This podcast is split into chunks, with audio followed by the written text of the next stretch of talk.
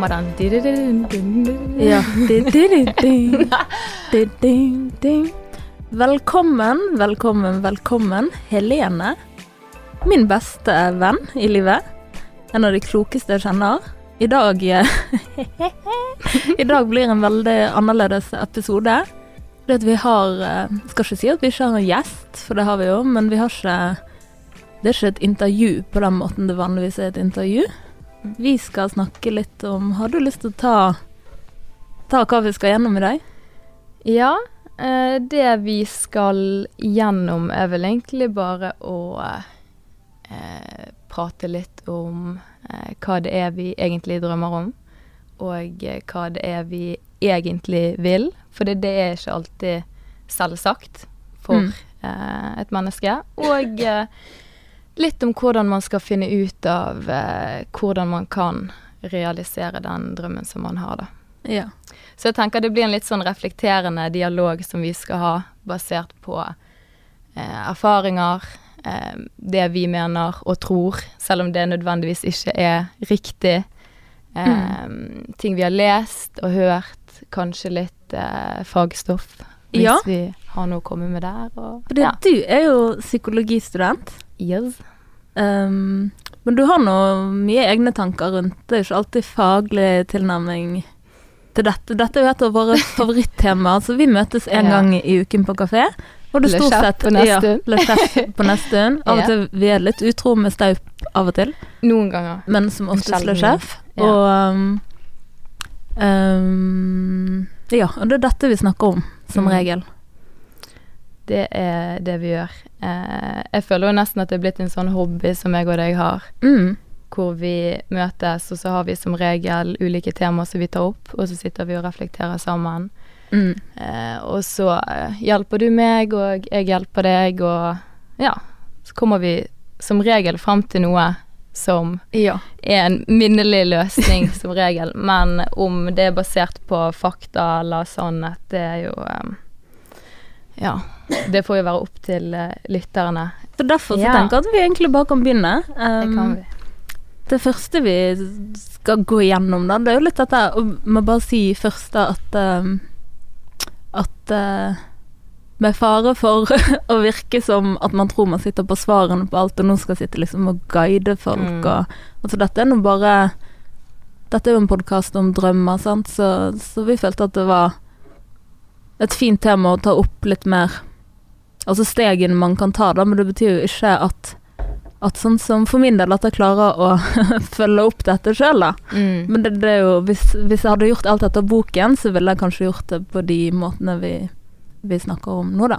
Ja. Vi kan jo begynne med Ja, vi kan egentlig begynne med Så hvordan finner man egentlig ut av hva man drømmer om? For det er ikke alltid så lett å vite. Altså hva, Mm. hva er Hva er drømmen, liksom, og hva vil man? Ja, det er jo gjerne den første problemstillingen man står overfor. Jeg tror at når man først har funnet ut av hva man vil, så er man ganske godt på vei.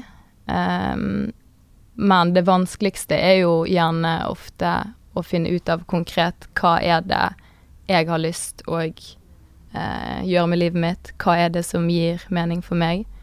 Uh, jeg tror det kan være veldig det kan egentlig være en ganske vanskelig og vond prosess, tror jeg. Fordi jeg tror mange sitter inne med veldig mye som de ikke får utløp for. Eh, og de blir veldig påvirket av eh, nære relasjoner, eh, samfunnet som sådan, eh, og alt rundt. Eh, og alle har en mening om hva du burde gjøre, og hva du ikke burde gjøre. Eh, du har ulike roller i ulike sosiale kontekster. Det er ulike forventninger til de ulike rollene som du har. Så du ender jo ofte opp med å gjerne føle deg som veldig mange forskjellige eh, Hva skal du si Variasjoner, da, av samme person. Eh, jeg har gått gjennom en sånn prosess hvor jeg har prøvd å samle litt sånn alle de ulike sidene av meg til en mer helhetlig versjon, for det er gjerne enklere å finne ut av hva det er man faktisk har lyst til. Mm. Um, så jeg tror det er en del barrierer som Mm. um, gjerne er med på å uh, påvirke hvor lett det er å faktisk uh, finne ut av um, hva det er man har lyst til å Mm. gjøre, og hva man faktisk drømmer om. Jeg tror at det er viktig mm, Sorry, fortsatt så dårlig i halsen, så da det kommer litt sånn kremt, kanskje. Men um, jeg tror det er kjempeviktig at man um, At man har testet litt. At man har vært innom en del forskjellig. For hvis du ikke har det, så vet du ikke hva som finnes der ute. sant? Mm. Og at man finner en slags fellesnevner kanskje med alle de tingene man har gjort, og hvorfor man har likt den og den delen av det man har gjort. Og så setter det sammen til et Å ja, men hvordan samsvarer det med Altså mine ønsker for framtiden, og så velge litt sånn ut ifra det. Det har i hvert fall jeg gjort.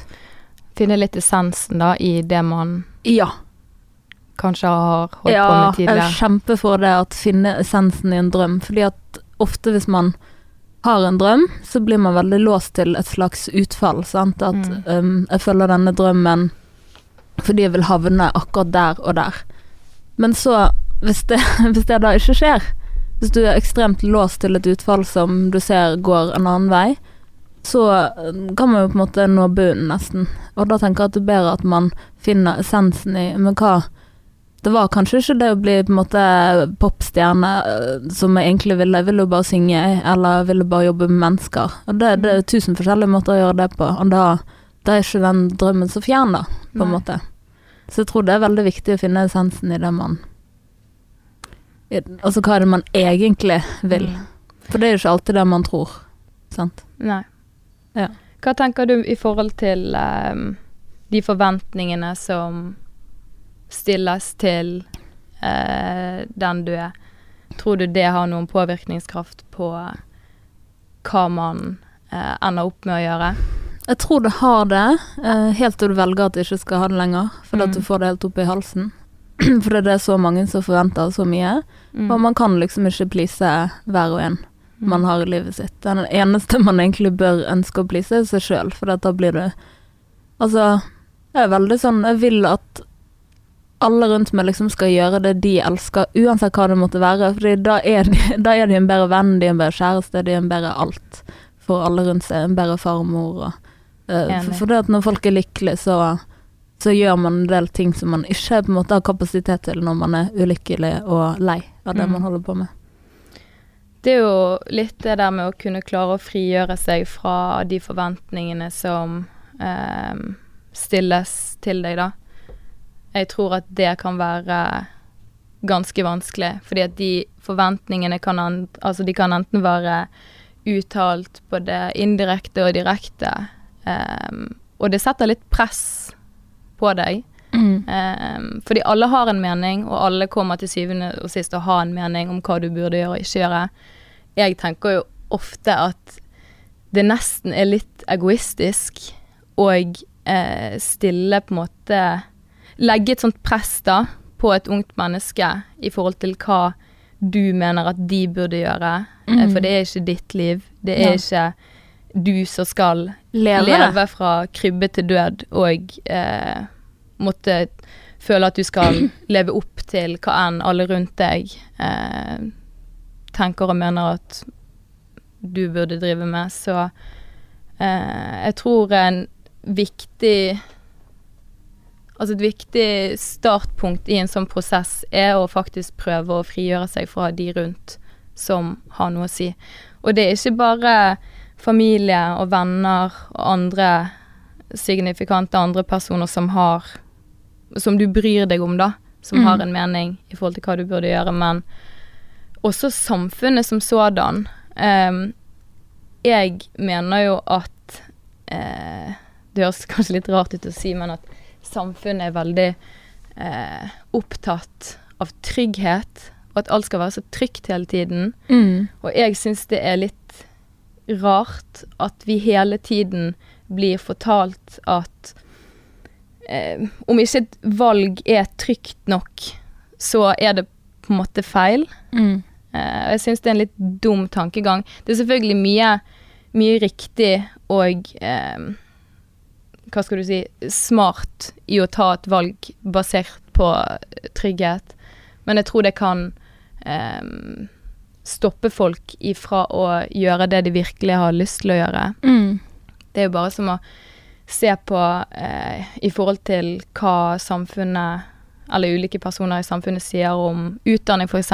Du må ta en utdanning fordi da er du trygg, da kommer du deg inn i systemet, du har et form for sikkerhetsnett rundt deg, da har noe å falle Mm. tilbake på. Eh, og så har vi dette med hvilken jobb du skal velge. Ja, du bør velge en jobb som ikke går ut på dato, du bør velge på noe som er fremtidsrettet, som du vet vil være en stabil arbeidsplass i fremtiden. Mm. Og så er det alt fra sånn Ja, du bør ha en sparekonto, sånn at i tilfelle ting går til helvete, så skal, skal du kunne Mm. ha noe å falle tilbake på.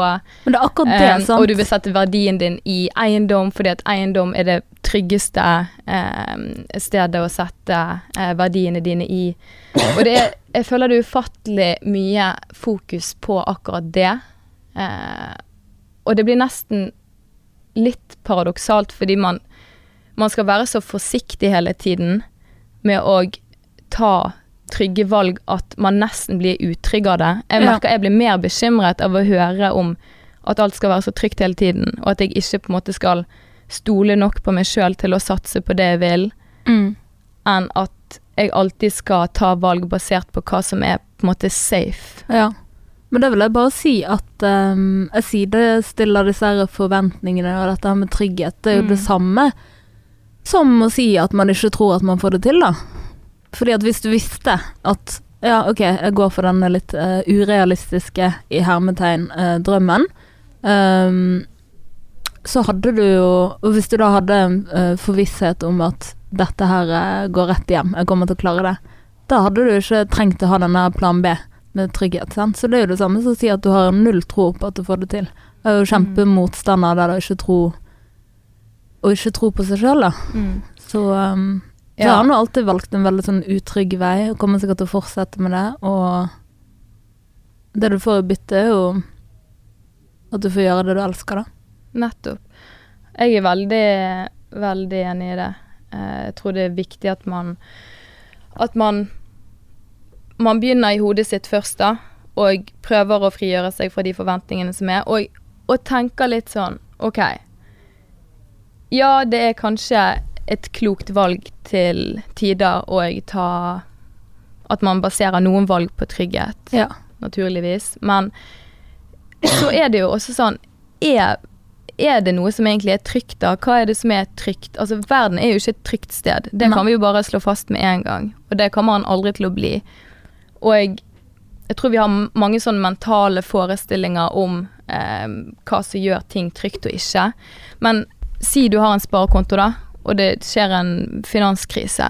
Hvor trygg er du da? Det Mm. går jo til helvete da òg. Så Ja. det er liksom jeg tenker at hvis man hele tiden skal være så forsiktig med sånne ting, så forteller man seg jo òg indirekte at du bør ha en plan B, fordi at det er ikke sikkert at du klarer det. Mm. Og det er ikke sikkert at du får det til. Så vær, vær litt safe. Men jeg, jeg tror jo at med en sånn tankegang så kommer man til å holde seg sjøl igjen. Ja. Da trenger du ikke du å jobbe sånn for å klare det heller, sant? for da har du det sikkerhetsnettet. Hvis du ikke har det, så må du jo sørge for at det går, da.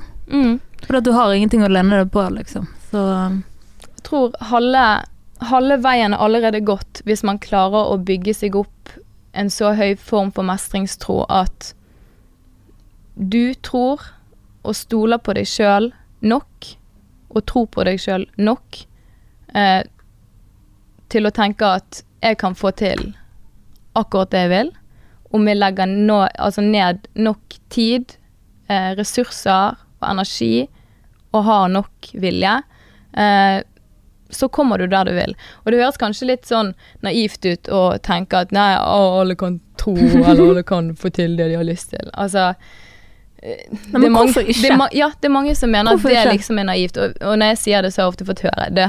Det finnes så sinnssykt mange barrierer og hindringer der ute, og ditten og datten. Men jeg, jeg tror ikke det. Jeg tror alt handler om å ha et åpent mindset når det Mm. kommer til de tingene. Og barrierene og hindringene lager man jo ofte sjøl. Ja, og de er ofte urealistiske òg. Mm, og de så- sitter i hodet ditt. Ja, ofte sant? i hodet. Og det er nesten litt sånn irriterende å høre på noen ganger. Eh, hvorfor folk ikke velger å gjøre det ene eller det andre. For det er akkurat som at de tror at det er noe eksternt der ute som, som stopper dem. Mm. Men det er jo ikke det. Det er jo ingen som står med en gunner mot tinningen din og sier det der Mm. kan du bare drite i å gjøre. Og så er det jo litt sånn at Å, den stemmen! Unnskyld. Men ehm, det er litt sånn at ingen andre vil jo på en måte tro på drømmen din før du tror på den sjøl. Så det handler jo veldig om hvordan man liksom presenterer dette her som man Mm. ønsker å gjøre. Sant? Og har du tro på det, så er det veldig lett å få andre til å tro på det. Mm. Uh, hvis man er Kanskje ydmyk i feil ord, men hvis man er på en måte for ydmyk igjen, sant? at du er langt nede på andre enden av skalaen, da, så um, Så kan man jo på en måte selge drømmen sin inn for svakt, da, sånn at ingen andre på en måte ser verdien i dette her uansett. Ja, ja. Og det det er òg en slags hindring som på en måte sitter i hodet, for alt du trenger å gjøre, er jo bare å starte å snakke om denne drømmen som at du faktisk tror på den sjøl. Mm. Og så ser man hvor det går, sant. Men jeg tenkte at vi kan jo gå litt mer eh, konkret Konkret? Kreka. Konkrekt. Konkreker. Nei, konkret eh, til vers. Nå Nå Ta oss en kaffe til. Nå har du klikket. Nå trenger Nå har jeg kaffe. klikket. Skal vi se. Men ja, gå litt mer eh, konkret jeg kan si det heller. Mer konkret til verks i Verks. forhold til hvordan man skal realisere denne drømmen. Da. Ja, for hva kan man liksom gjøre sånn konkret? Um, jeg jeg har noen tanker, jeg har noen. noen tanker. Så vi kan egentlig begynne med hva du ser for deg at det er lurt å gjøre. Eh, jeg eh, tenker først og fremst Mhm. En ting med, er jo å komme over alle disse eh, på måte, psykologiske hindrene som man har, da. Um, og ehm, på en måte frigjøre seg fra disse forventningene og alt dette presset. Um, men til syvende og sist kanskje bare prøve å innse og akseptere at den aller største fienden i livet mitt, den som går meg mest imot, det er meg sjøl. Mm. Og prøve å bli bevisst på det. For jeg tror hvis man klarer å frigjøre seg fra det, så er veldig mye gjort. Mm. Um, det er akkurat som at når du står opp eh, om morgenen og du ser deg sjøl i speilet, hva Mm. er det aller første du tenker når du ser ansiktet ditt i speilet? Spør meg personlig nå? Ja, ja, men altså, det er jo Jeg tror hvis jeg hadde spurt eh, mannen på gaten Mm. der ute, så er det som regel ikke positivt. Ja, Altså, de aller egentlig- fleste ser, ser seg ikke i speilet om morgenen og tenker 'Å, fy faen, du ser bra ut i dag'. Liksom. Det er dag. ikke sånn. Jeg, jeg tror at er man er veldig av- ufattelig selvkritisk Ja. eh, overfor seg sjøl. Eh, og et veldig godt tips der, det er at man skal behandle seg sjøl som man ville behandlet sin beste venninne. Mm. Eh, fordi at du må bli din egen beste venn. Eh, fordi Ja, for vi er veldig mye snillere med hverandre Ja. enn vi er med oss sjøl. Og det er ufattelig rart, fordi at du er til syvende og sist den som kommer til å bry deg mest om deg sjøl. Du er til syvende og sist den som kommer til å få ting til å skje for deg. Det er ingen andre som kommer til å jobbe for deg, for å jobbe for at dine drømmer skal gå oppfylles. Altså, man er jo Jeg vil ikke si at mennesker er egoistiske, men vi er jo kanskje litt egoistiske av natur. Sant? Vi, vi jobber jo for oss sjøl Mm. På mange måter. Ja, Eh, Så å tro at noen skal bare komme og gi ting til deg på et sølvfat, eller at de skal jobbe eh, dag og natt for at du skal få til det du vil, det blir jo litt urealistisk. Så jeg tror Mm. det er viktig at man blir Man kommer på lag med seg sjøl, da. mm. Eh, og man klarer å legge vekk eh, mye av den selvkritikken som ofte eh, kommer. Spesielt når, man, eh, når man ikke får ting til, eller når ting ikke går som planlagt. Eh, og at man, man stoler på seg sjøl. Mm. Stol på deg sjøl, og, og tro at du er eh, mer enn nok kompetent til å håndtere enhver situasjon som er der ute. Mm. Og jeg tenker ofte den tanken før jeg går ut av døren om morgenen. Ikke fordi at jeg ikke tror at jeg kommer til å klare ting, men rett og slett for å gi meg sjøl en påminnelse hver dag. Og si at jeg stoler på meg sjøl. Og det er den eneste setningen jeg sier. Og det betyr egentlig bare at jeg stoler på at Mm. hva enn som skjer i dag, det skjer, men jeg kommer til å takle det. Ja. Det er en god affirmasjon. Ja, Ja. for jeg tror at ved å si til meg sjøl mange nok ganger jeg stoler på meg sjøl, så vil det ha gjerne en positiv dominoeffekt på Mm. resten av livet, da. For jeg sier at jeg stoler på at jeg kommer til å få ting til. Jeg Mhm. stoler på at jeg kommer til å få ting sånn som jeg vil ha det. Jeg kommer til å stole på at jeg klarer å oppnå det jeg har lyst til å oppnå i Mm. livet mitt. Og ved å si det nok ganger, så føler jeg at det på en måte klarer å knekke litt av den kritikken som ofte eh, klarer å skjære seg inn i hodet eh, Uff. i mange tilfeller, da. Uff a meg. Det er jo sånn, jeg hadde jo aldri sagt til deg hvis du sier at du har lyst til å gjøre noe. Nei, det, det der, Susann, det, Nei, du er min største heiagjeng. det får du ikke til. Eller sånn, er du sikker på at du kommer til å klare det? Eller er du helt sikker på at du burde gjøre sånn, eller er du smart nok til å klare det? Er du kompetent nok til å klare det? Har du Mm. ditten og datten? Jeg hadde jo aldri sagt det til deg, og det er jo fordi at jeg genuint tror at du får til det du har lyst til å få til. Mm. Og sånn som når vi snakket om at du skulle starte podkast, eksempel. Ja. Og at du ville gå eh, veien uten utdannelse, og du fikk jobb i TV 2, og altså hele pakken. Mm. Eh, hadde jo aldri sagt til deg, når du sa de tingene, at nei, det der må du legge fra deg, det kommer du aldri til å klare. Mm. Men hadde jeg sjøl vært i den situasjonen, Mm. så kan ikke jeg si nå at de tankene ikke hadde poppet opp. Nei. Og det er jo litt sånn morsomt hvordan vi ønsker det beste for de rundt oss, men at overfor oss sjøl så er vi vår verste fiende Mm. ofte. Det er veldig sant. Jeg tenker på, for min del, sånne konkrete ting man kan gjøre da. Mm. At um, Jeg har faktisk et par punkter. Um, kan kanskje begynne med Altså, jeg syns det er viktig det her med Altså, da, det krever faktisk daglig handling. Mm. Det gjør faktisk det. Så um, ubevisst eller bevisst, men kanskje best hvis det er bevisst, at du faktisk hver dag Det kan være så lite som sende en mail, um, skrive ned noe, altså til større ting som å faktisk Ta podden som et eksempel. Altså jeg prøver liksom hver dag bør jeg egentlig hvis jeg gjør dette boken, da, gjøre noe relatert til den. Sant? Om det så er å promotere et eller annet, eller booke en gjest fram i tid, eller ta en telefon og få et råd, eller sant. Bare gjøre noe for å holde dette altså skape sånn momentum, nesten, at det hele tiden på en måte er en slags utvikling, da. Eller så kan du gjøre sånn som perioder har gjort det, på en måte bare ikke gjøre noe utenom den dagen du skal spille inn, men da går jo ingen vei. Mm. Så, så det krever jo daglig handling. Og så er man nødt til å se drømmen veldig tydelig for seg. Altså hva sant, Det vi snakket om i sted, hva er essensen i drømmen, la, la, la. Og så må du bryte den litt ned i delmål, sant. For det er overveldende hvis det er en stor drøm å bare gå rett på. Altså du er nødt til å dele den opp, tror jeg. Mm. Um, og så er det dette med å ikke Dette er nå bare mitt personlige, med det her med utfall. Sant? At du må ikke på en måte henge det så opp i et utfall. Være litt fleksibel, være litt åpen for at Ja, men andre ting kanskje. Det kan dukke opp nye ting som du ikke visste fantes engang. Du kan få mulighet. Altså være litt sånn Du skal være tro mot drømmen din, men du må jo være litt fleksibel, tror jeg. Du må ikke være for rigid, liksom. For da da tror jeg man kan gå glipp av veldig mye fint på veien, da. For det er jo litt sånn Ja, ok, drømmen. Når har du nådd den, da, på en måte? Altså, det er jo veien dit som er gøy. Hvis ikke veien dit er gøy, da er ikke det en drøm i mine øyne, på en måte. Mm. For en del av drømmen er jo alt det du må gjøre som leder opp til det resultatet du ønsker.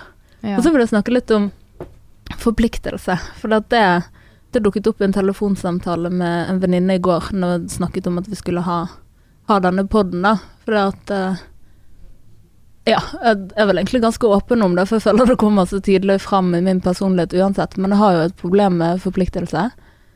Altså en slags forpliktelsesangst. Og Det er vi to. Mm, og det er veldig knyttet til Mange tenker at det kun liksom utspiller seg i kjærlighetslivet ditt og la, la, la. Og det gjør jo på en måte det òg, men ofte så er det òg sånn med drømmer og For at du må faktisk forplikte deg til denne drømmen, sant. Du må Altså, du kan ikke Altså, ja, du må være tro mot den, du må være forpliktet, og dette her med daglige handlinger og rutiner og alt dette som kreves, det er en forpliktelse. Mm. Hvis du ikke er villig til å gjøre det, så kommer drømmen til å gå litt sånn der til høyre og venstre. Og, så det, det er noe jeg har lært meg, da, at jeg er nødt til å jobbe med det. Og det tror jeg veldig mange andre har òg. Og jeg vet ikke om det på en måte er så vanlig å tenke på det i forhold til drømmer, så jeg tenkte jeg bare ville gi det som et tips. Tror du det henger sammen med at ehm, man er redd for de konsekvensene som kommer av å ta et valg?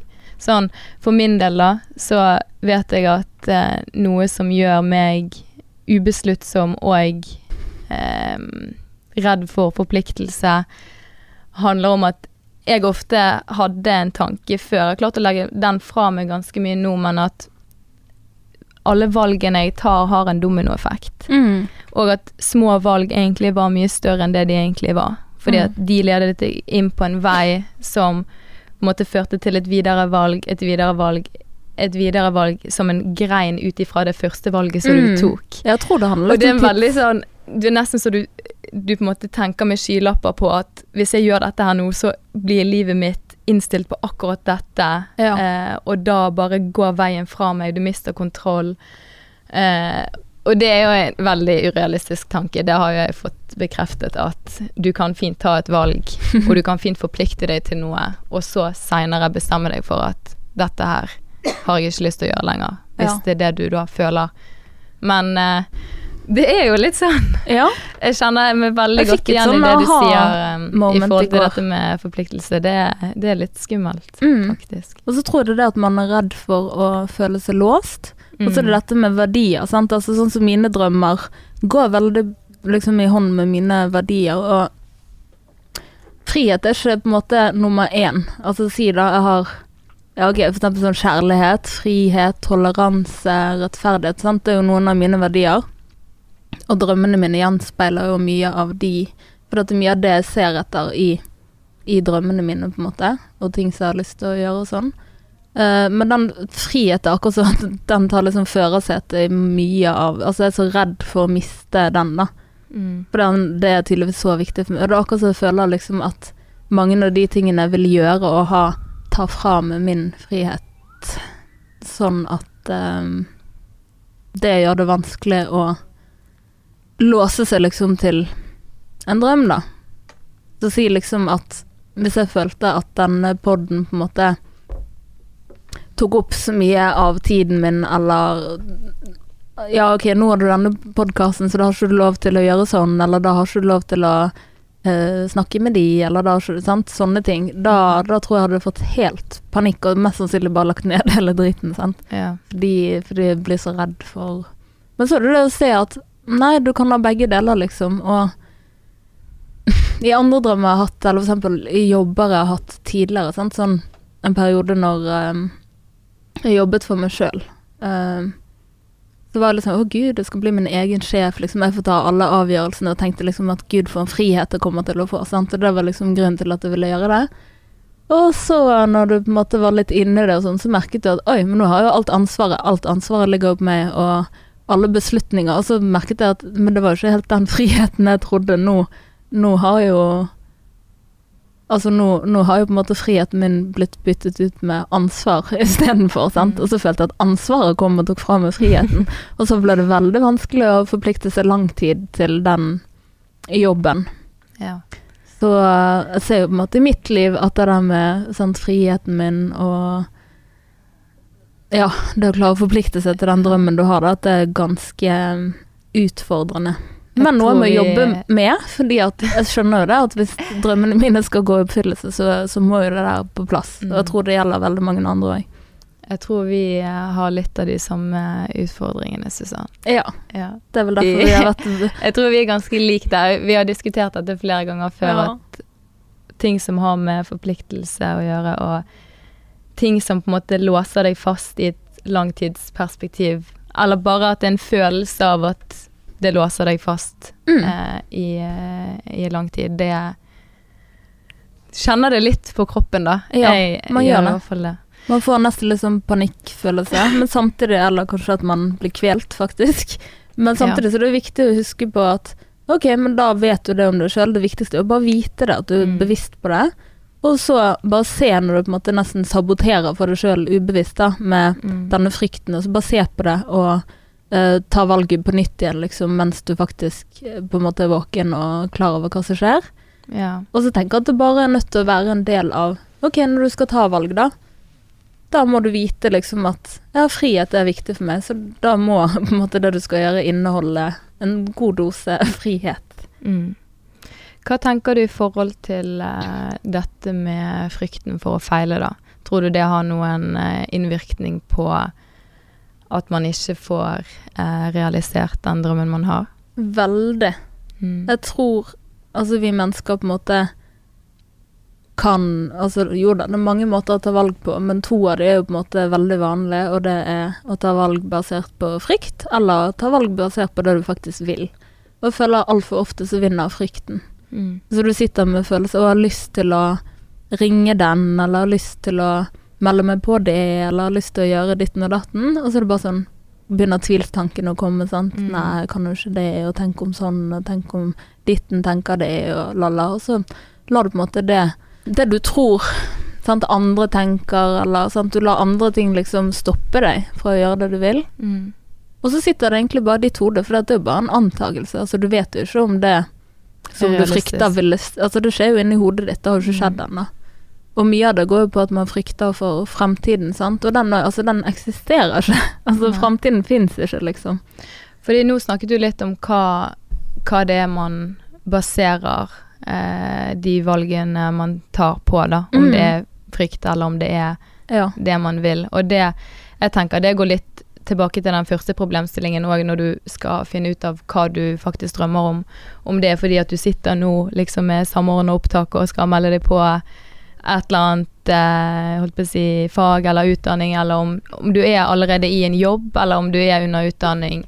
um, og eh, har begynt å tenke litt, da. Eller ja, lurer litt på om eh, man er på riktig sted, så tror jeg det faktisk er ganske lurt å faktisk bare spørre seg sjøl det valget jeg har tatt, eller det valget jeg skal ta nå, hva baserer, det, hva baserer jeg det valget på? Mm. Um, for eksempel dette med trygghet, sant. At jeg er redd for å bli eh, satse på å bli skuespiller i uh, Og dra til LA og gå på skuespillerskole fordi at uh, det er ikke så trygt. Og det blir jo på en måte indirekte basert på frykt, da. Mm. At du er redd for at det ikke skal gå, og Mm. at du skal ende opp i en pappkasse Ja. et sted. altså um, Og da kommer vi jo kanskje litt inn på dette her igjen, med dette Altså frykten om å feile. Jeg tenker jo når det kommer til det at vi må retenke litt rundt eh, hva det vil si å feile. Mm. Eh, nå vet jeg faktisk ikke om Jeg sa dette i sted, jeg vet ikke om retenke er et begrep engang. Men vi, altså på engelsk Rethink. så sier vi rethink, i hvert fall i, eh, på psykologien. Så jeg vet, ja. Men jeg sier retenke. Om det er feil, så får det bare være feil. Ja. Men poenget er jo i hvert fall at ehm, vi må tenke rundt det å feile på en annen måte. For jeg tror mange tar eh, tap så at De tar det veldig personlig, Mm. og at vi nesten eh, forklarer tap ut ifra det er fordi jeg ikke er god nok, eller det er fordi jeg eh, ikke kan eh, nok, eller jeg ikke er smart nok. Altså det blir eh, Det går veldig Det blir veldig internalisert, da, Mm. i deg, eh, Ja. alle disse tapene. Ehm, og at man tenker på tap som noe negativt. Eh, og det, det føler jeg kanskje blir en veldig lite konstruktiv eh, tenkemåte rundt det. Fordi at hvis man blir så redd for å feile at man ikke prøver, så blir jo konsekvensen av det at man ikke lærer, og at man ikke utvikler seg, og faktisk ikke ender opp med å få gjøre det man har lyst til å gjøre. Ehm, jeg har jobbet veldig mye med det, både for å komme ut av komfortsonen, men òg rett og slett å bare ha et åpent sinn og Mm. prøve på ting. Um, selv om det kan feile og ikke Mm. gå sånn som jeg hadde ønsket. Ja. Så Men så tenk om du gjorde det, da. ja. Men så skal ikke det bety heller at om det så går gale, så skal jeg tenke negativt rundt det. Jeg, jeg har prøvd å vri det i mitt eget, altså eget hode og tenke at um, OK, hvis dette her går skikkelig dårlig, Mm. hva er uh, worst case scenario Mm. som skjer? Og vi lever i Norge. Ja. Altså, hva er det verste som kan skje? Worst altså, case altså, scenario er at du, kanskje du ser ut som en idiot, eller kanskje du eh, ikke fikk til det du hadde lyst til, og du, du blir selvfølgelig skuffet. Men det positive med det å feile, det er at det å feile, det er en læringssituasjon. Ja. Du lærer. Du er En eh, setning som jeg ofte sier til meg sjøl hvis jeg skal gjøre noe jeg er redd for at det skal gå dårlig, det er at ok, hvis det går veldig bra, så er det supert, men jeg har egentlig ikke lært så veldig mye. Så egentlig så vinner jeg ikke så veldig mye på at ting går bra hele tiden. Men hvis det nå går skikkelig dårlig, og jeg bare faceplanter og jeg ser ut som tidenes idiot, da kommer jeg til å ende opp med å gå tilbake igjen, retenke rundt ok, hva var det som skjedde. Jeg kommer til å få nye erfaringer. Jeg kommer til å lære noe nytt om meg sjøl, og kanskje jeg skulle håndtert det på en annen måte. Um, alt ut ifra hva det er snakk om. Mm. Og så kommer jeg til å være smartere da enn det jeg var dagen før. Og jeg tenker det er bare superpositivt. Og man skal tryne litt i livet. Sånn er det bare. Og livet er ikke et lett sted å være sånn egentlig. Nei. Det er utfordringer hele tiden, eh, og det er ting man må gjennom. Men jeg tror ikke det handler om hvordan Dette her har vi jo Dette er holdt på å si en quote eh, når det kommer til eh, et personlighetstrekk. Men det handler ikke om hvordan du har det, men hvordan du tar det. Mm. Absolutt. Og den setningen der, den har bare innprentet seg i hjernen min etter jeg leste det. For det, det er så sant. Eller jeg skal ikke sitte og si at det er sant, um, men jeg tenker og mener at det er veldig sant. Det fungerer i hvert fall veldig for meg å tenke på den måten. mm. For det er, det er sånn at man kommer alltid til å gå på trynet. Og det kommer man til å gjøre hele livet, uansett hva du gjør. Med mindre du velger å ikke utsette deg for noen situasjoner som kan gå gale. Mm. Eh, som jeg tror blir en veldig kjip tilværelse til slutt. Gjerne kjipere enn å faktisk gå på trynet et par ganger. Men rett og slett tenke litt nytt rundt hva det betyr å feile. Mm. Jeg, jeg nesten ser på det å feile som et synonym for å lære. Mm. Og en, jeg føler at det er en veldig konstruktiv måte å tenke rundt det på. For det blir ikke så skummelt lenger å gå ut i verden og prøve. Mm. Og feiler du en gang, så prøver du på nytt. Og du Ja. prøver på nytt, og du prøver på nytt. Og har du funnet noe som betyr noe for deg, noe som gir mening for deg, og noe du har lyst til å gjøre, så gjør det ingenting at du feiler på veien. Du kommer bare til å bli bedre. Mm. Jeg har tweaket på det her veldig lenge. Mm. Og jeg tenker sånn uh, For det første, det jeg sa, vi bor i Norge. Mm. Smak på den. Vi bor i Norge. Mm. Altså, hvor heldig er vi? Altså, hvis det er ett sted man kan Du er så sinnssykt privilegert. Ja, sinnssykt privilegert.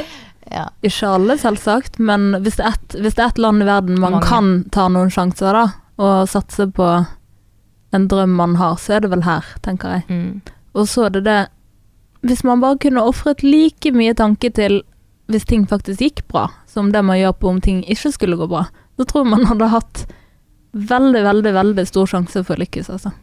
For jeg tror all den energien og tankevirksomhet og hva vet jeg, altså alt man legger inn i å tenke på holdt på å si negative ting og ting som kan gå gale. Altså den energien kunne blitt brukt på å faktisk gjøre noe, og faktisk få ting til å skje for seg sjøl.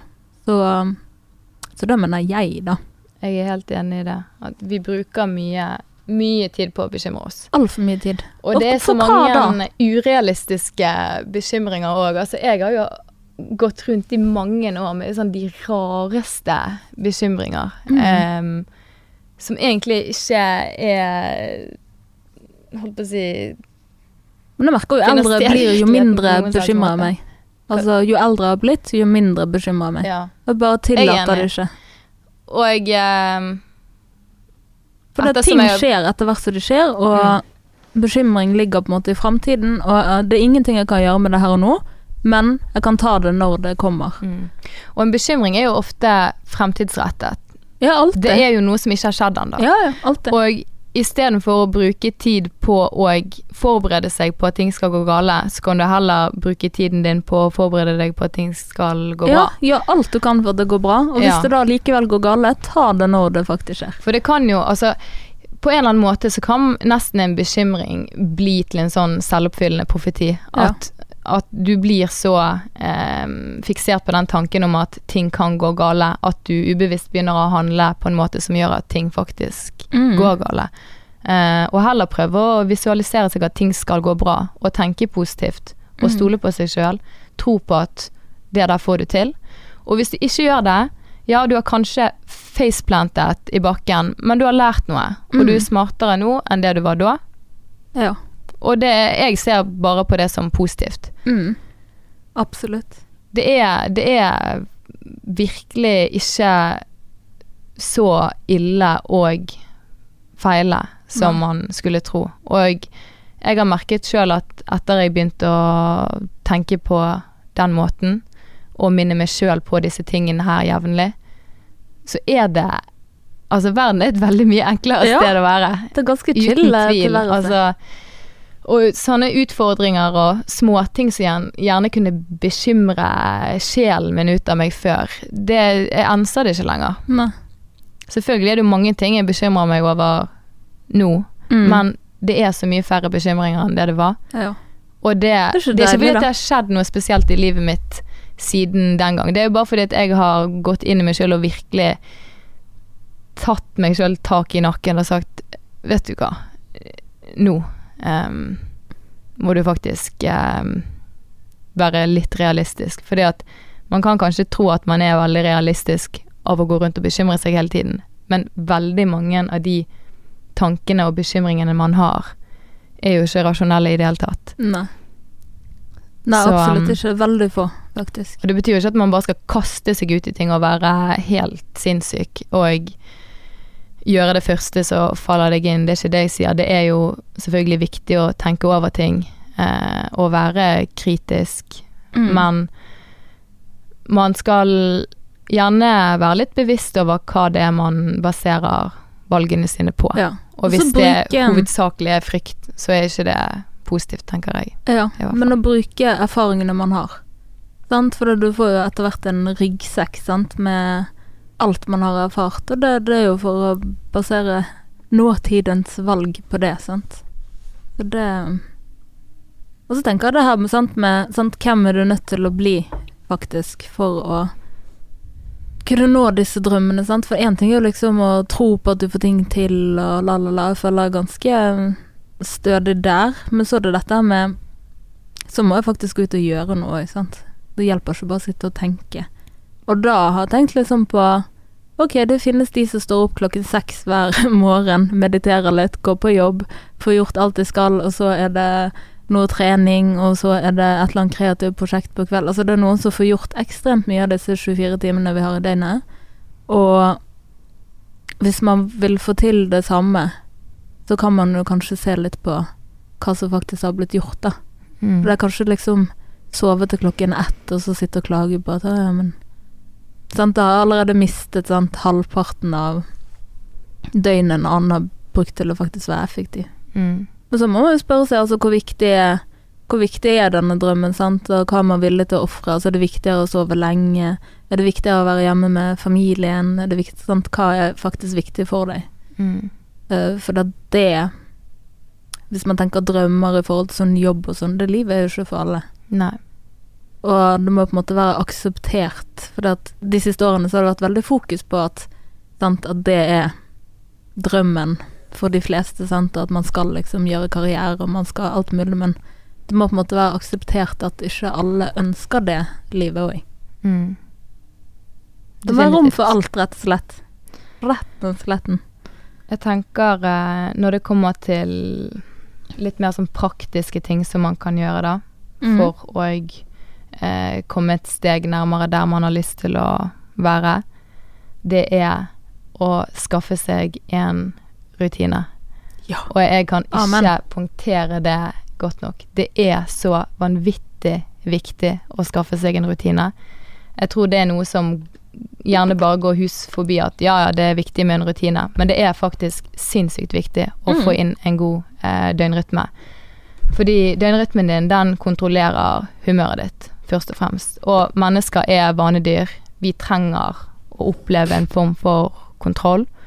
Um, og hvis vi bare suser rundt uten eh, en skikkelig rutine, så kommer vi til å føle på veldig mye eh, rart. Mm. Eh, Idet du får deg en Indre uro. rutine, og du får en døgnrytme, så er du ufattelig mye mer stabil eh, innvendig. Så det er, det er sinnssykt viktig. Og rutine har også en, en positiv dominoeffekt. Altså det, det Det på en måte forplanter seg videre, da, i, i uh, livet ditt. Og det betyr ikke at Jeg tror mange er litt sånn Har litt skrekken for uh, rutine, fordi at det blir nesten sånn et synonym for å være i et fengsel. eh, jeg hadde den tankegangen lenge og sa at nei, nei, nei, nei. Jeg, eh, jeg kan ikke ha rutine. Jeg er ikke en sånn rutineperson. Jeg, eh, jeg føler jeg lever liksom bak lås og slå, og alt skal liksom skje sånn og sånn og sånn. Mm. Og syntes det var veldig slitsomt å opprettholde. Og det var derfor jeg ofte falt ut av rutiner veldig fort, fordi jeg likte ikke å være i den tilværelsen. Mm. Men det er jo fordi at jeg har laget rutiner for meg sjøl som ikke har fungert for meg. Mm. Og det å ha en rutine betyr ikke at du skal stå opp klokken åtte hver morgen og gå og legge deg klokken ti hver kveld. En rutine handler bare om at du skal ha en viss stabilitet i forhold til hvordan dagene er. Det det egentlig betyr, er at du skal stå opp til samme tid hver dag. Og om det er klokken åtte, eller om det er klokken tolv på formiddagen, det spiller egentlig veldig liten rolle. Bare du har et fast tidspunkt. Når du går og legger deg om kvelden, det er egentlig ikke så veldig viktig, det heller. Det er selvfølgelig viktig å få nok søvn. Man har ulike søvnbehov, men eh, prøve å tilfredsstille det i, det i, den grad det går. Men det viktigste er å stå opp til samme tid hver dag. Og det er viktig å lage en rutine som ikke føles som et fengsel. Prøv å se for deg hvordan din ideelle hverdag hadde sett ut om du kunne bestemt den helt sjøl. Er det at du hadde stått opp klokken ti, eh, hatt eh, god tid til å spise en god frokost, og så gå i en forelesning eller gå på jobb eller hva enn det er, og prøv å sette opp dager som du ser Eller sette opp en rutine som du ser frem til, da, som du faktisk liker å være i. For blir han et fengsel, så kommer han ikke til å overleve. Og da faller man ut, og så føler man seg kanskje litt mislykket, eller det var skuffende, det klarte jeg ikke, man blir demotivert. Um, så det er rett og slett viktig å prøve å skaffe en rutine som, som man er tilfreds med, da.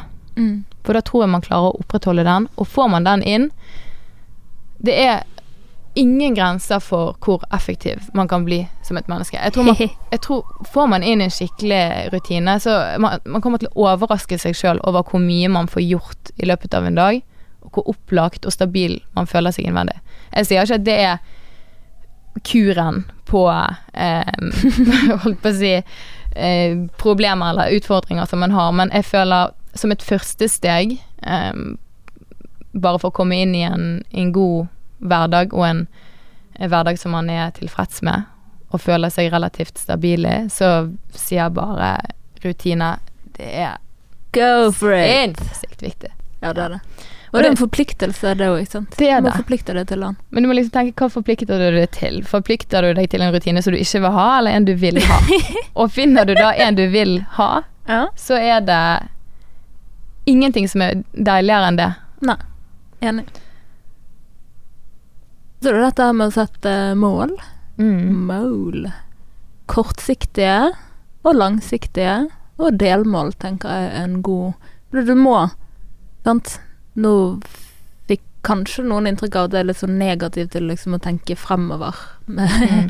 men det er jo ikke det. Altså, man må Noen ting må jo planlegges, og du må, du må klare seg for det liksom hvor du vil, og Mm. på en måte stake ut en slags vei for å komme dit. Og for at den veien ikke skal bli altfor eh, liksom ute av, sine, ute av sin eh, feeling på, så er du nødt til å dele den opp i delmål, tenker jeg. Og liksom kortsiktige mål, sånn at du kan se resultatene litt kjappere. Og det vil jo hjelpe på motivasjonen òg, for de som motiveres av resultat. Mm. Og så eh, vil du da på en måte ha en gulrot eh, underveis, som kommer litt oftere. Mm. Mm. Så det tror jeg er ganske viktig å, å få inn, eller få på plass. Det tror jeg òg. Og så har jeg en En ting som jeg gjør da. Det, jeg gjør det ikke hver dag, men eh, jeg har gjort det hver dag, faktisk, i en Mm. periode. Nå har det gått over til at jeg gjør det litt sånn sporadisk eller jevnlig ut ifra hvordan jeg føler meg, men det høres kanskje litt dumt ut. Mm. Um, eller litt teit ut, jeg vet ikke.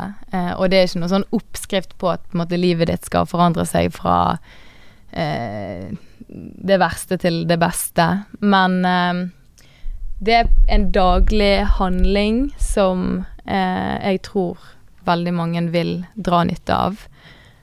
Og det er så enkelt som å si til seg sjøl hver morgen når man står opp og ser seg sjøl i speilet, og hver kveld før man går og legger seg, si 'jeg er god nok'.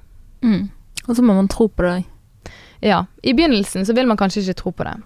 Og folk vil kanskje da gjerne tenke at ja, ja, men hvorfor skal jeg gå rundt og si det til meg sjøl? Altså eh, Man tror det kanskje egentlig ikke, så hvorfor skal jeg da gå rundt og si det? Hva, hvorfor kommer det til å hjelpe? Um, jeg tror det kommer til å hjelpe fordi at man repeterer det så mange ganger til seg sjøl at man til slutt vil Mm. begynne å tro på det. Ja. For man kan jo tenke seg sånn Hvis, hvis man tenker da til vanlig at eh, jeg er stygg, Mm. så er ikke det en tanke som bare har poppet opp i hodet mitt, og så har jeg trodd på den. Det er jo fordi at du gjerne jevnlig har fortalt deg sjøl det når du har sett deg sjøl i speilet. Mm. Gjentatte ganger. I en lang periode. Så hvis man prøver å switche det litt rundt, da, og si 'jeg er god nok' hver dag, om du så ikke tror på det eller ei, det spiller ingen rolle, bare begynn å gjøre det. Mm.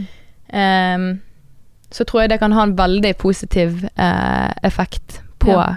um, hvordan man tenker uh, om seg sjøl.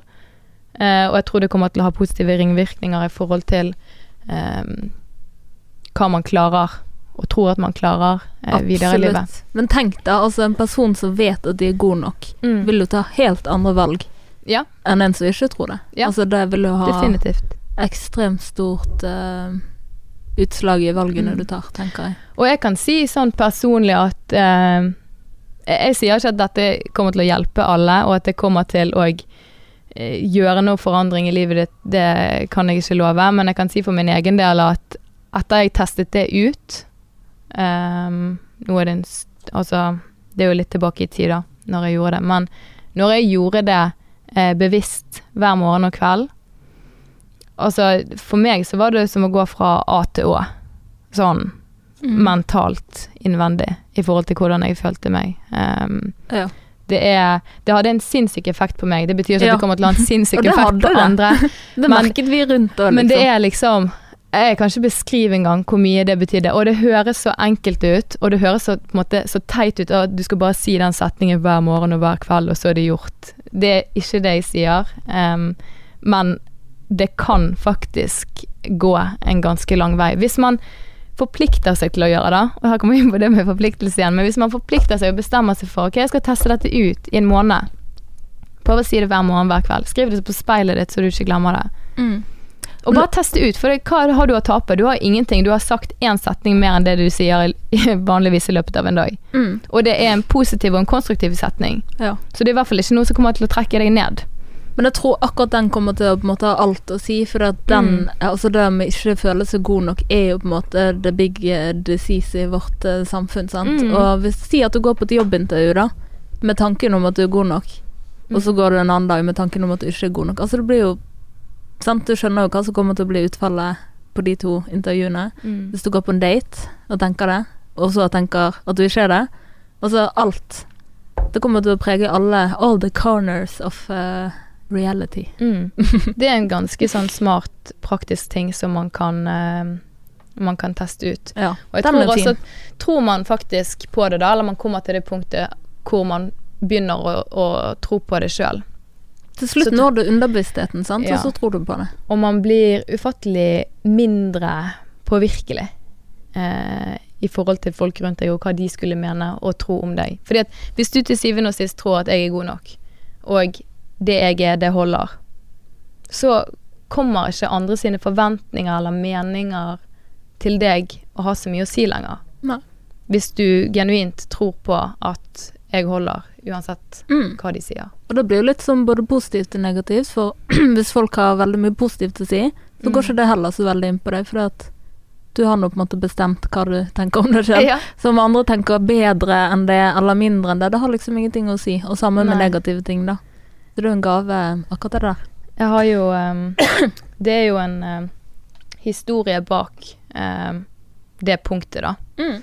Jeg så en video faktisk av en um, psykolog som snakket om akkurat den setningen. Uh, og det er faktisk en ufattelig fin historie. Det var um, en jente, eller en ung kvinne, som hadde vært innlagt på en psykiatrisk avdeling i mange år. Hun uh, var diagnostisert med alle mulige former for psykiske lidelser. Det var bipolar og Ja, hun var suicidal, og det var egentlig alt mulig. Eh, og hun hadde vært der lenge, og hun var en litt sånn lost case um, på den avdelingen. Eh, og så var det da en psykiater som tok kontakt med hun her psykologen som fortalte denne historien, eh, og sa at vi er utrolig desperat nå. Vi har kommet til et punkt hvor vi har testet alt. Det er ingenting som fungerer. Hun her kommer til å bli her for alltid. Du, har du lyst til å prøve å komme og bare ta en prat med henne? Eh, og hun jobbet egentlig ikke som klinisk psykolog, hun eh, jobbet faktisk som coach, tror jeg det var. Eh, og hadde egentlig en del sånn foredrag om motivasjon og mestring og, og sånne ting. Men hun eh, tenkte jo at ja ja, det skader jo ikke å prøve. Så hun hun kom inn der og eh, tok en samtale med hun her unge kvinnen, da. Um, og hun ville egentlig ikke legge så mye opp i sånn hva slags diagnoser hun hadde, eller hva det var som liksom feilet henne, i hermetegn. Um, men ville egentlig bare ta en liten prat med henne. Uh, og det som hadde skjedd i hennes liv, var at uh, hennes mor i ung alder hadde tatt selvmord. Uh, og eh, det denne psykologen resonnerte seg frem til, var jo da at eh, du har rett og slett bare ikke følt deg god nok hele livet. For hvordan Altså, selvfølgelig blir det nesten noe så realistisk å tenke som at selvfølgelig er jeg ikke god nok hvis de som er rundt meg, hvis jeg ikke betyr nok for dem til at de har lyst til å være her. Men det er jo veldig urealistisk, for det, det har jo ikke noe med deg å gjøre i det hele tatt. Um, men det hun sa da, var at eh, vi skal ikke gjøre noe mer behandling nå, eller noe mer medisiner. Nå skal vi gjøre kun én konkret ting hver dag og hver kveld. Og det er at du skal sende meg en melding der du skriver 'Jeg er god nok'. Jeg kommer til å svare deg 'Du er god nok'. Det gjør du hver morgen når du våkner, og hver kveld når du går og legger deg. Du skal skrive det på speilet ditt, du skal ha det som bakgrunnsbilde på telefonen din. Um, du skal ha det overalt. Og hun her unge kvinnen, hun var jo litt sånn Ja, det, vi har prøvd alt det der, kommer i hvert fall ikke til å fungere. Det, det er det dummeste jeg har hørt. Det var liksom så enkelt at det ikke kom til å funke. Og så eh, begynte de med dette her, da. Og hun forpliktet seg til det til slutt og sa greit. Sendte melding eh, hver kveld og hver morgen. 'Jeg er god nok.' Fikk som svar 'Du er god nok'. Etter noen måneder, etter at hun hadde vært innlagt på den avdelingen i gudene vet hvor mange år, så ble hun eh, skrevet ut. Hun fikk seg leilighet. Hun fikk seg fast jobb. Hun fikk seg kjæreste. Og hun, eh, hun var tilfreds med livet sitt. Og hun hadde da jevnlig kontakt med hun av psykologen i ettertid og bare sa vet du hva, jeg skjønner ikke hvordan dette har gått til, men den setningen har faktisk reddet livet mitt. Nå kommer tårene. det er ikke meningen å få deg til å begynne å grine sånn. Men altså, den fortellingen der Når jeg så denne videoen av hun psykologen som fortalte dette, jeg fikk helt lik respons som det du fikk nå. Altså, jeg begynte å hylgrine.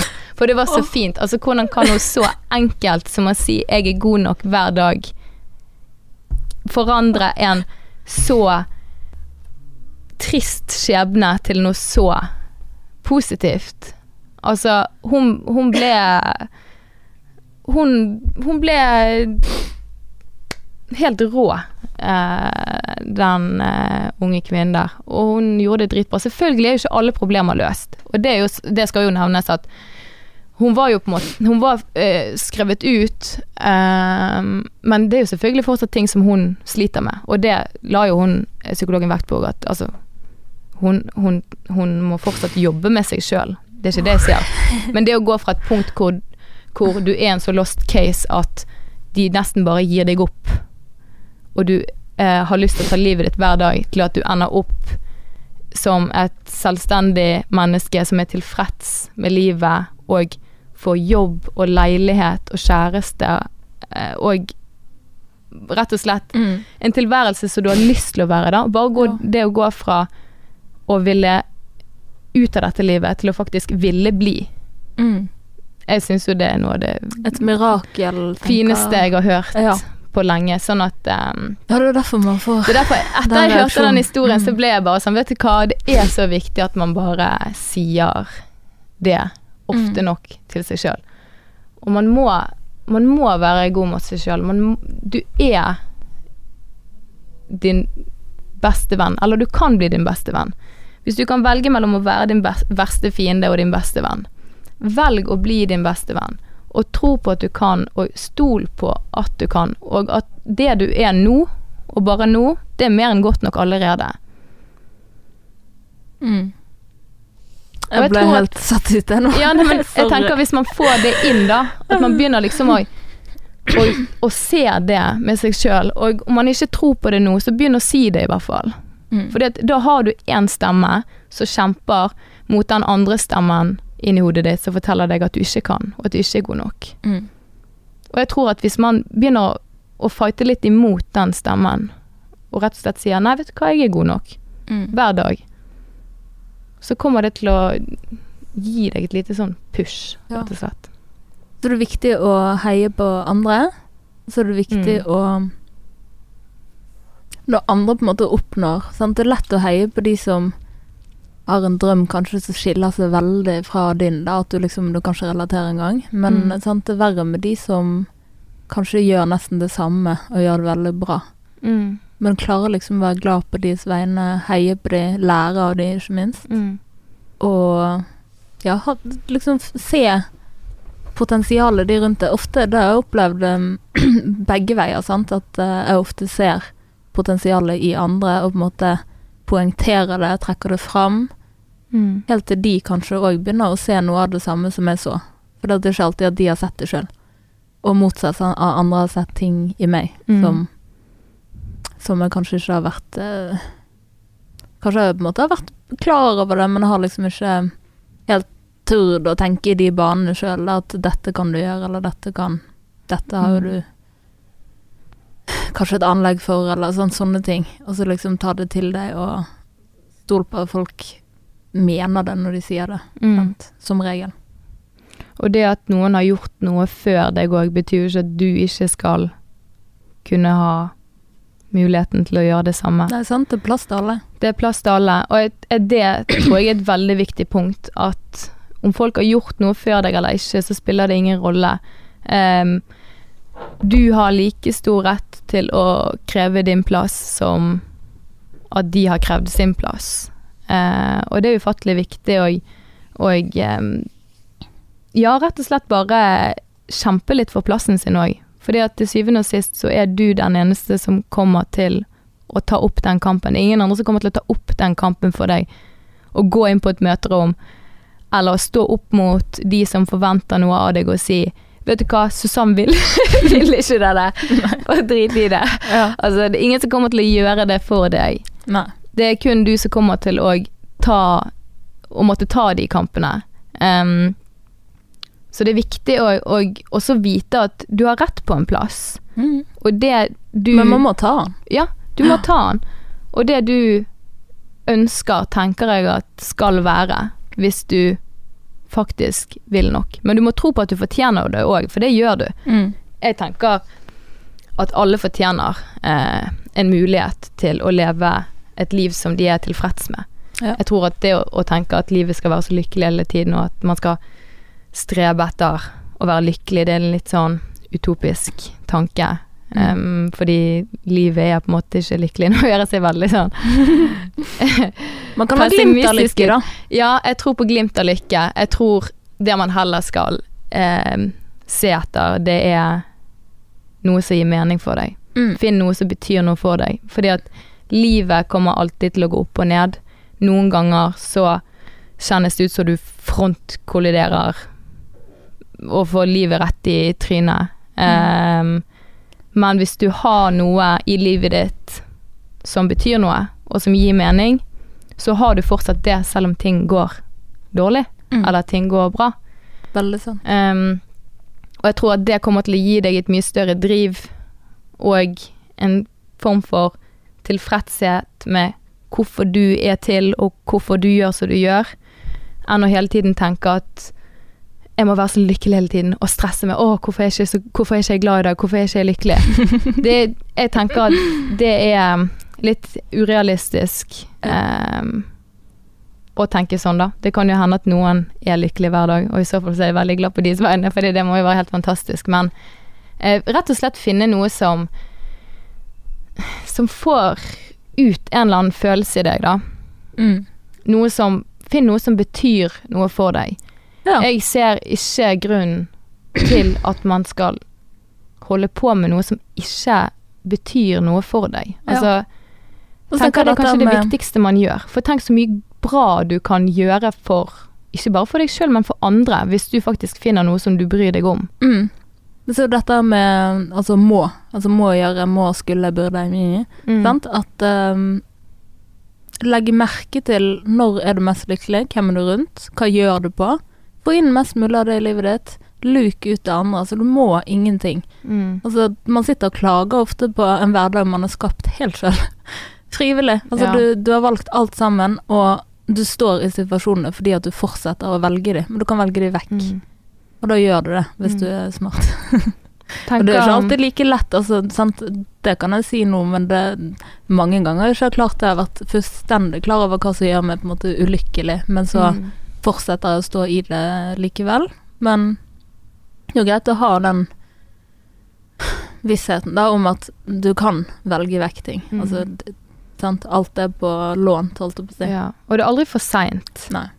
Nei, det er ikke. Uansett hvor du er i livet, så er det aldri for seint. Altså, eh, det er så mange eksempler på folk som har fått til de villeste ting eh, i en mye eldre alder enn det vi er. Altså, Mm. du har han som startet Sara, for eksempel. Ja. Han var jo nå rundt 50 når han startet den kleskjeden. En av de største som finnes i dag. Mm.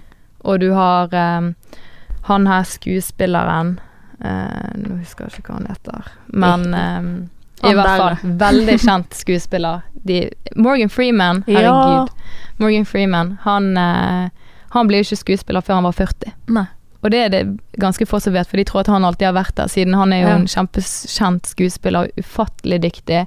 Mm. Um, men han slo igjennom når han var 40 år gammel. Mm. Og Det er fordi han alltid spiller ja, Gud. og, den, ja, og den suksessen han har oppnådd, altså det er jo bare Du får jo helt hakeslepp av å tenke på det. Og han, Mm. han er jo ganske opp i årene nå, men fortsatt. Det er jo utrolig inspirerende å, å tenke på. Ja. Så det er aldri for seint. Og om man er nå et sted i livet hvor man ja, skulle ønske at man ikke var, eller man um, gjerne kunne tenkt seg å gjøre noe annet, så vil jeg bare si ja. Du har lov til å og, eh, ta den runden med deg sjøl. Og eh, stol på at du kan, og stol på at du er god nok. Og at du fortjener det. Og at du fortjener det. Ja. En tilværelse som du har lyst til å være i. Det var en nydelig avslutning. For vi er kommet dit at denne episoden må rundes av. Veldig koselig. Nesten så jeg føler at dette her må vi gjøre en gang til. Det hadde vært veldig kjekt. Ja. Fordi uh, dette var veldig Veldig givende for min del òg. Selv om jeg er så heldig å ha tilgang på dine tanker hele tiden når jeg vil, så uh, syns jeg det er kjekt at nå får andre det òg. Og du er ikke Mm. akkurat uh, podkast-gjestveteran. Dette var første gjesteopptreden du har, så veldig glad. Det er nok veldig synlig i denne episoden. Nei, du har vært så flink. Men jeg vil bare si tusen takk for at jeg fikk lov til å komme, og, eh, og bare sitte her og se på hele opplegget. Eh, dette er sesong tre av podkasten din. Mhm. Eh, det er ganske sykt. Jeg er ufattelig stolt av deg. Åh, Du er dritflink, Susann. tusen Eh, takk. Og jeg ble veldig kry når du hadde lyst til å ha meg som gjest, så eh, tusen takk for det. Skulle bare mangle. Gleden er på min side. Du er rå. Takk i likeså. Til ut! Ha det.